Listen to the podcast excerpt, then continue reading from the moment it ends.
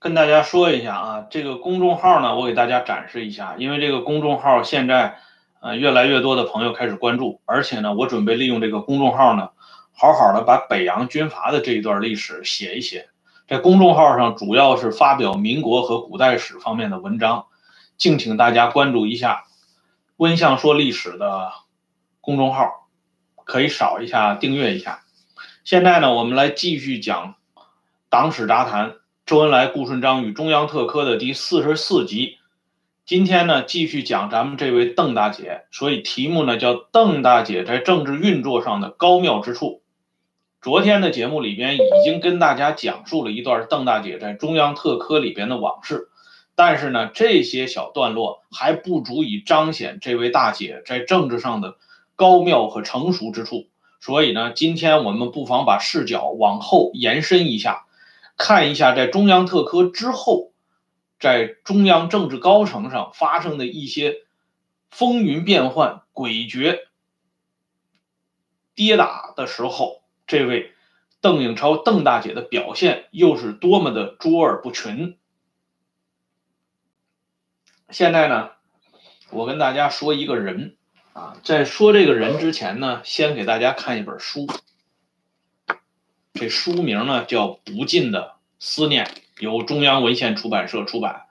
顾名思义呢，大家看一下这个封面就能看到啊，这是周恩来的一个身影。这本书呢，就是为了怀念周恩来出版的一本合集。这里边呢，集中了一大批人，他们在晚年的时候对周恩来这位伟人进行不尽的追思和想念。当然，这里边也少不了咱们邓大姐的文章，可是呢，这里边却没有收录一个人的怀念文章，或者说这个人以他同周恩来之间的关系和他同周恩来之间的这种渊源，按照道理来讲，他是一定会写这么一篇文章来怀念周恩来的。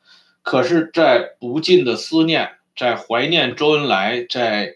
周恩来身边的日子里等多本周恩来怀念文集这类的文字当中呢，都找不到这个人写的只言片语。这个人是谁呢？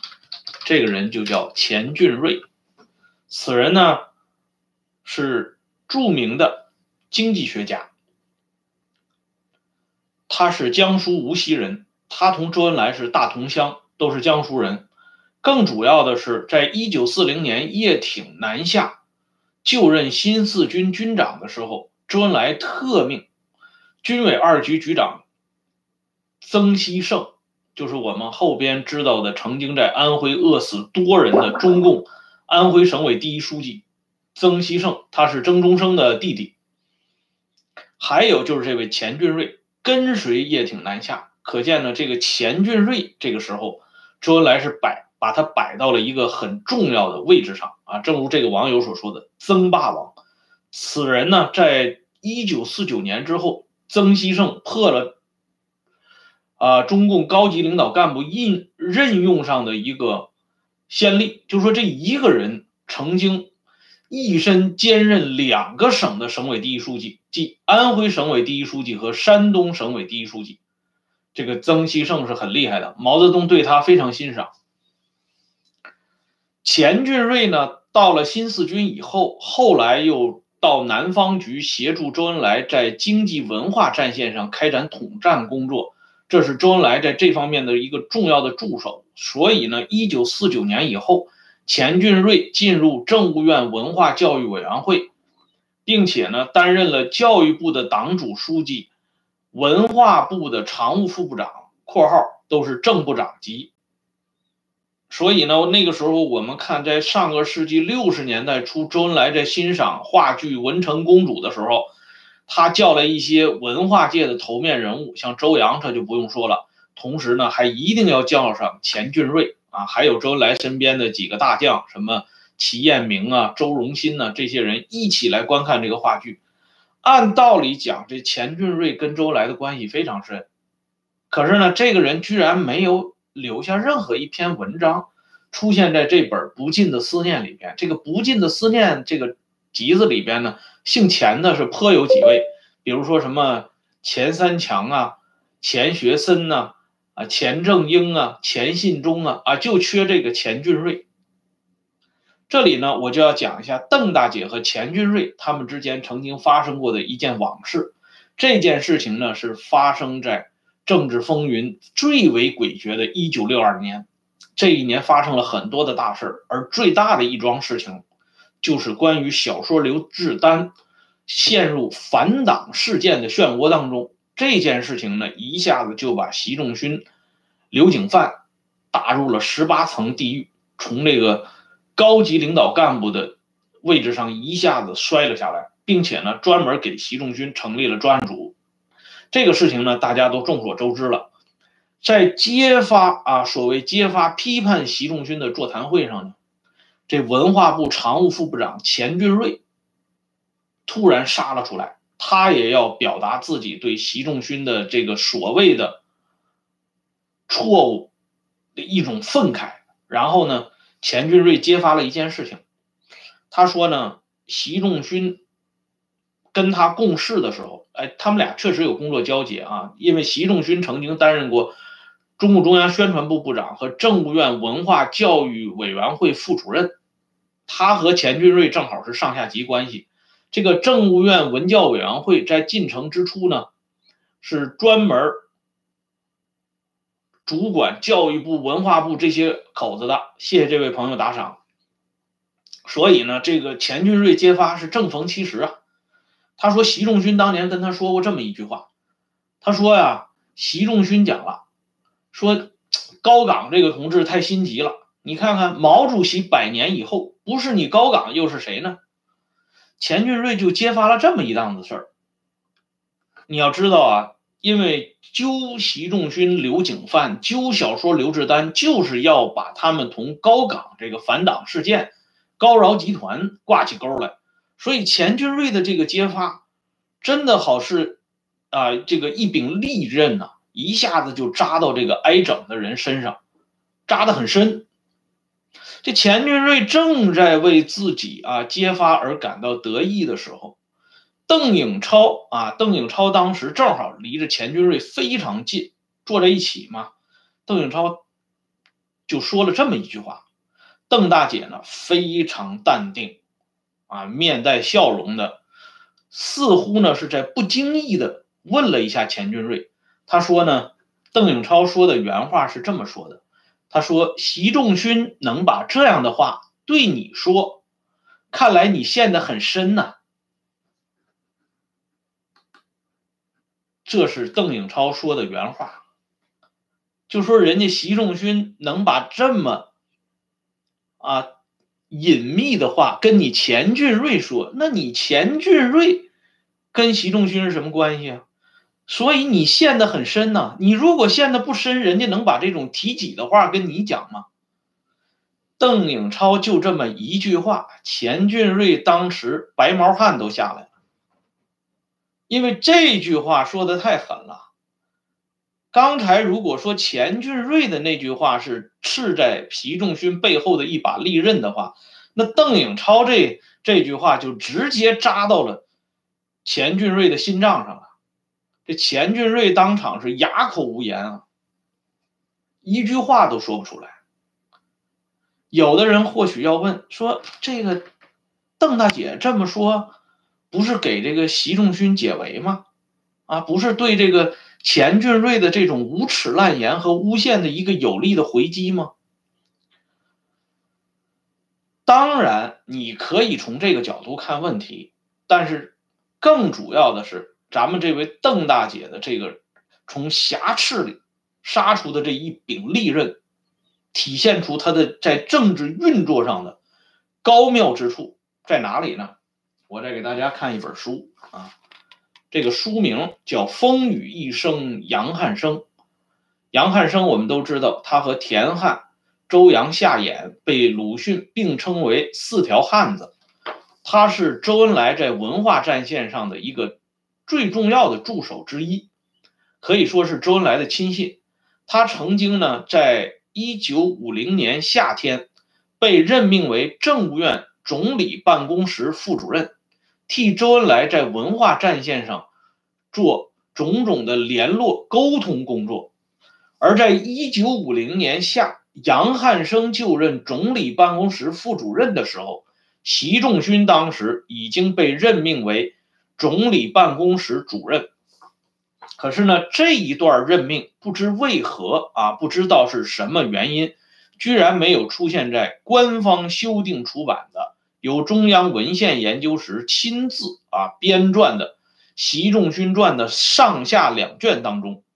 可是呢，这个重要的任命恰恰能够说明习仲勋当时同周恩来之间的关系，而且习仲勋的传记里边也明白无误地告诉大家，周恩来不止。不止一次的同习仲勋讲过，我们是朋友，也就是说呢，这个话说的很到位，就是说我们不完全是上下级的关系，我们更主要的是同志加兄弟。因为周恩来到陕北之后，曾经亲口对习仲勋讲过，是陕北救了中央，啊，这两个人的关系呢，一直还是很融洽的。习仲勋做过总理办公室主任。以后呢，第一部宪法公布，政务院改为国务院之后，习仲勋呢又在很长的一段时间里担任了国务院秘书长和国务院副总理兼国务院秘书长，一直呢同周恩来之间是一个密切合作的关系。那么今天钱俊瑞，我们刚才已经讲过，他本人同周恩来就是已经颇有渊源。他在这种关键的场合下拿出这柄利剑，表面上去扎习仲勋，但实际上很容易让人们一下子联想到习仲勋背后的“我们是朋友”的这位恩来同志。所以邓颖超马上采取应对措施，仅仅一句话就把钱俊瑞逼到了墙角。所以，这个揭批会结束以后，钱俊瑞所揭发的这条所谓的习仲勋的罪状，居然没有被登到简报之上。可见，邓大姐微微这么一句小小的疑问，就已经化解了一场迫在眉睫的危机。咱们这位邓大姐在政治运作上的高妙之处，想来大家应该也已经听清楚了。这里呢，咱们再顺便说一下这位钱俊瑞先生后边的表演。在一九六八年三月，发生了一场著名的杨渔父事件。在杨渔父事件当中呢，有三位主角啊，一个是杨成武，一个是于立军啊，于立金，他是空军的政委，还有一个就是傅崇碧，这个我们都知道。于立金当时的罪状是叛徒，说于立金在新四军皖南事变突围当中叛变投敌，所以呢，于立金是戴着叛徒的帽子，给押进了秦城监狱。而这个叛徒，这个帽子是谁给于立金扣上的呢？就是我们刚才讲的这位文化部常务副部长钱俊瑞。钱俊瑞不仅诬告于立金是叛徒，还顺带着把后来担任中顾委常委的李一萌也给捎带上了，说李一萌也是叛徒，也有叛变的这个行迹。这是钱俊瑞后来在文革中干的又一件好事儿。好了，钱俊瑞这一段呢，我们暂时告一段落。接下来呢，我们再来看一段事情。大家都知道，原来卫生部有一位副部长，他的名字叫傅连璋。此人呢，在一九五五年被授予中将军衔，是人民军队当中活跃在卫生医药战线上被授予的最高级别的干部，中将。他和贺成都是中将。这个傅连璋呢，大家知道，这是一个著名的红色医生，经常穿梭在中央高级领导人和高级干部之间。他呢，早年甚至救过毛泽东的命。他不仅救过毛泽东的命，他也救过邓颖超的命。这邓大姐呢，在一九三四年的时候，曾经患过一场肺病。在那个年节呢，这肺病是可以要人命的，就是经过傅连璋医生之手精心调养调治，这邓大姐呢才转危为安。于是呢，这个邓大姐为了感谢傅连璋，她呢专门认傅连璋的亲妈为干娘，而且呢在调治过程当中呢。邓颖超同傅连璋一家处的是其乐融融，打成一片。傅连璋的孩子呢，都管这个邓颖超叫幺姑。这幺姑那是南方话，就是我们北方人经常说的小姑或者是老姑。大家呢就跟一家人一样。可是呢，这个事情。发展到后边，就有了诸多的变化。首先是呢，在一九三四年，红军呢开始，一九三四年、一九三五年、一九三六年这三年当中，红军展开了所谓的两万五千里长征，以及草地发生的一大堆的惊梦，这些事情我们都不不谈了。在周恩来他们撤离红色江西的时候，曾经留下了一个秘密的肃反名单。这份肃反名单，据信最高三人团都宇文啊，贾明你好，你给的那个打赏我已经收到了，非常感谢啊，祝你节日快乐。这个名单当中呢，居然就有傅连璋的亲生女儿，就是他长女和他的女婿。这份名单，我们刚才讲最高三人团都是目睹了的。哎，最高三人团，博古、周恩来、李德，李德根本就是不懂中文的，所以李德这个即使是知道，其实也无关宏旨。关键是博古和周恩来。而最关键的就是周恩来。周恩来当时是主管国家政治保卫总局，邓发对周恩来是亦步亦趋。啊，邱会作的回忆录里边已经写的很清楚了。不知道为什么要把傅连璋的大女儿和大女婿列到这个要杀掉的名单里。而后呢，当傅连璋追随红军离开的时候，他的女儿和女婿果然蒙难死了。而傅连璋就是因为。受到这个牵连，以及在草地风云当中，他被一度怀疑与张国焘过从甚密，以至于这位啊功勋累累的医生，到了延安时期居然都没有被批准入党，后来还是在陈云的关怀下，才得以加入中国共产党。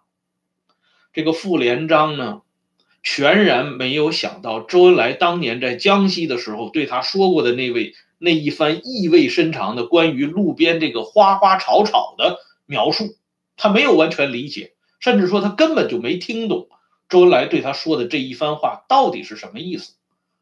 而且呢，他也没有听懂邓大姐在离开他们家的时候，啊，深情的对这位大哥傅大哥说过的一句话，说过的一句什么样的话呢？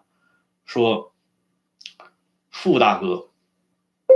革命的征途还是很远的，我们个人受一点委屈都不算什么，人生是渺小的，苦痛是暂时的，要放开眼看大的宇宙和洪荒世界。这番话呢，傅连璋听来啊，觉得是天外来音呢，从来没听过。可是，在其他的一些人当中，却早已听到邓大姐如此的谆谆教诲了。比如说李文怡，刚昨天我们不讲那八姐妹吗？罗一农的老婆李文怡，李文怡就曾经听邓颖超这么给他讲过。为什么呢？罗一农被捕杀害，然后李文怡呢痛不可当，邓大姐就用这个歌词来开导李文怡，而这段话也成为邓大姐日后开不断开导其他遭到厄运的人们的一个口头禅。洪荒世界、宇宙是重要的。这左派革命往往是宏大叙事，他们从不关怀微观的东西。你有什么病痛，你有什么生活上的不易，在他看来，人生是渺小的，根本不值一提。我们要放眼未来，放眼世界，放眼宇宙，乃至放眼外星人，就是这个状态。所以呢，这傅连璋根本就听不懂。啊，傅连璋更听不懂的是，在一九五九年第一次庐山会议之后，彭德怀被赶了下来，然后呢，寄居在吴家花园的时候，傅连璋因为受过彭德怀的好，就是受过彭德怀的帮助啊，因为当时在草地之后，说傅连璋跟张国焘有说不清楚的关系。只有彭德怀站出来替傅连璋仗义直言。彭德怀当时是发了脾气的。彭德怀把手往桌子上一拍，这老彭这个人脾气非常大。这共产党高层的这些领导人有一个算一个，包括毛泽东，没有一个不，呃不不对这个彭德怀发脾气这个头疼的。因为彭这个人是根本不照顾你们的感受。我不管你地位多高。资格多深，只要你干了不是人事儿，说了不是人话，我就可以骂娘。所以当时彭德怀把桌上一拍，然后就站起身来说：“傅医生啊，他就是个医生，他给谁看病那是医生的本职工作。如果这个东西都要往路线斗争上扯，那我们还闹什么革命啊？”我们连这哥老会都不如啊！这彭德怀说的原话大意如此啊。所以呢，大家就不吭气儿了。因此，在一九五九年彭德怀遇难之后，真的只有傅连璋还偶尔去这吴家花园呢，去彭德怀的住处给彭德怀看病。一则是报恩，再一个呢，也是行使他这个作为看护高级领导干部的这个责任。但是，一来二去以后呢，闲言碎语就飘进了中南海，特别是飘进了中南海甲区，那就说白了就是医嘱毛泽东那里。这傅连璋呢，他再傻他也能听着，因为他天天在这领导人身边转，他就听着了。哎，傅连璋就感到很苦恼，他呢就去找周恩来，他就说呀，啊。这个情况跟周恩来说了一下，周恩来呢，又是啊漫无目的的跟他说了一些玄乎又玄的话，这傅连璋不得要领啊，没听明白，他就找他的啊当年认下的干妹妹邓大姐去了，在姐夫这儿啊，这这在妹夫这儿没听明白，那就到妹妹那儿去说一下吧。这邓大姐呢非常热情。请这傅医生坐下，又是端茶，又是倒水，又是送水果，啊，总之呢，就是透着一股子亲人的劲儿。然后呢，傅连璋就把自己的这个苦衷道了出来。这邓大姐一边听一边微笑，一边点头，最后跟他说：“傅大哥，恩来啊，一天太忙了，他有很多事情他都照顾不到，你呢也要多包涵。”他不容易，我们这些人呢，说实话，我们都是那个意思，我们都曾经一口锅里搅过马勺，而且我跟你们家这不是一般关系，啊，恩来呢也从来没有把你傅医生当过外人，所以呢，有些话他可能呢说的也不是很到位，你呢就一听一过就算了，别往心里去。啊恩来现在是很忙啊，我们呢尽量也不要给他添添乱了。哎，我自己都从来回避这些事情。这邓大姐就这么的把这傅医生给打发走了。傅连璋在这对夫妇里这个谈话中没有得到任何的要领，但是在文化大革命深入的。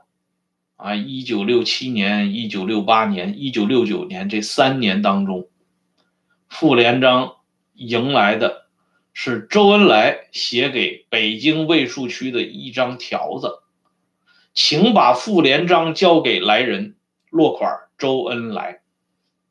当时江青提出来要揪斗傅连璋，甚至要把傅连璋进行逮捕。与会的人叶群，还有四大金刚都没敢表态。这个时候，周恩来挺身而起，啊，对着江青说：“江青同志，这件事情由我来办吧。”然后，周恩来马上就写了一张条子，对傅连璋进行抓捕。傅连璋最后惨死狱中，死的时候啊，手上还戴着一副冰冷的手铐。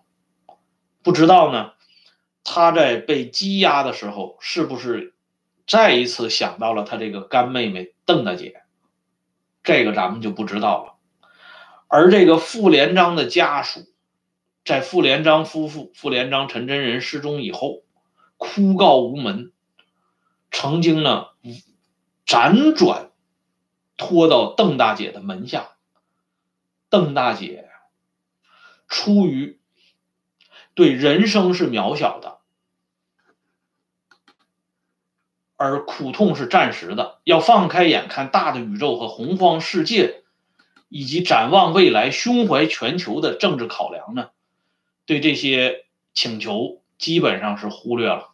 因为邓大姐的核心观念就是不要给恩来同志添麻烦，啊，这样呢，傅连璋同志就再也没有机会给恩来同志添麻烦了。这个毛泽东在傅连璋死了若干年之后，居然毫不在意啊，异常动情地批示了“父已入土，呜呼哀哉”八个字，对这位救命恩人是盖棺论定。那么接下来呢，我们还要说一个这邓大姐更厉害的一件事情，那就是大家都知道的一个著名的党内的才子，所谓南北二乔，其中的南乔木乔冠华。乔冠华这个人呢，是毁誉参半，就是说这个人呢是。他呢是有说他好的，也有说他坏的。说他坏的这些人呢，也还都是一些正人君子；说他好的这些人呢，里边不乏在政治上是些侏儒和小人。所以呢，这个人的历史评判起来难度还是以颇有一些的。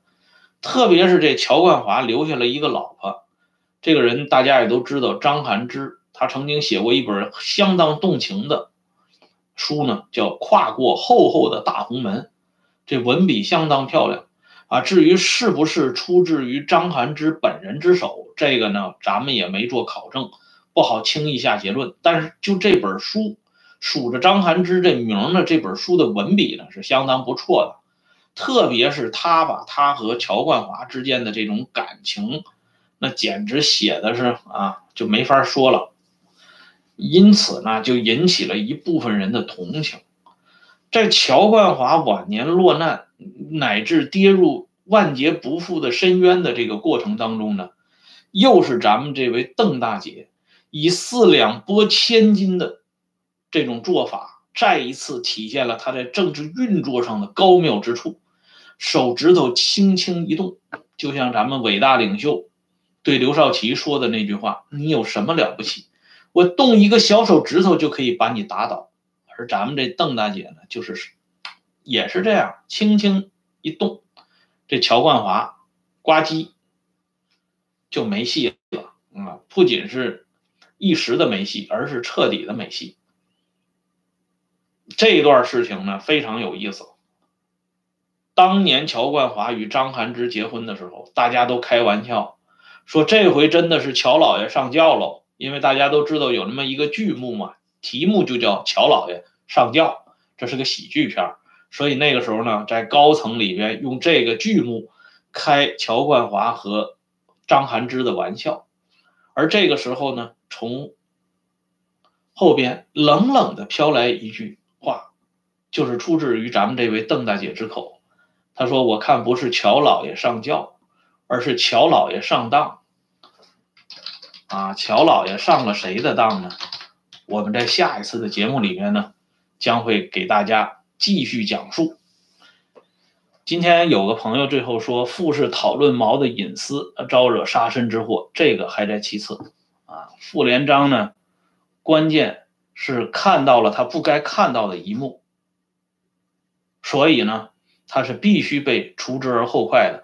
而且傅连璋这个人呢，呃，性子太直率了。他曾经当着毛泽东的面一句话就得罪了林彪夫妇。这个呢是有毛泽东的保健医生王鹤斌啊亲口回忆的资料作为佐证。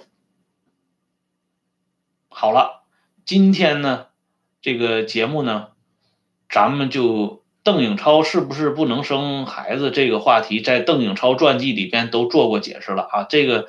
这个这个属于属于科普类的，咱们就不多讲了啊。本身是没什么实质性的意义，与邓颖超邓大姐在政治上的高妙之处完全不可比拟。今天呢，节目就说到这里，谢谢打赏的朋友。我们明天呢，继续来讲邓大姐的收官之作啊，就是乔冠华如何落马，然后呢。我们再继续讲这邓大姐麾下的这几个大姐，那也是不得了。比如说徐向前的老婆黄杰，吴德峰的老婆戚元德，施哲的老婆周惠年，刘鼎的老婆吴先清。你看看这些红色娘子军，真的完全不是我们在电影上看到的那个什么吴琼花呀，那个根本就没法比。好了。今天的节目呢，咱们就说到这里，谢谢大家观看，欢迎大家呢继续关注订阅“温相说党史”，同时别忘了这个“温相说历史”的公众号。再见。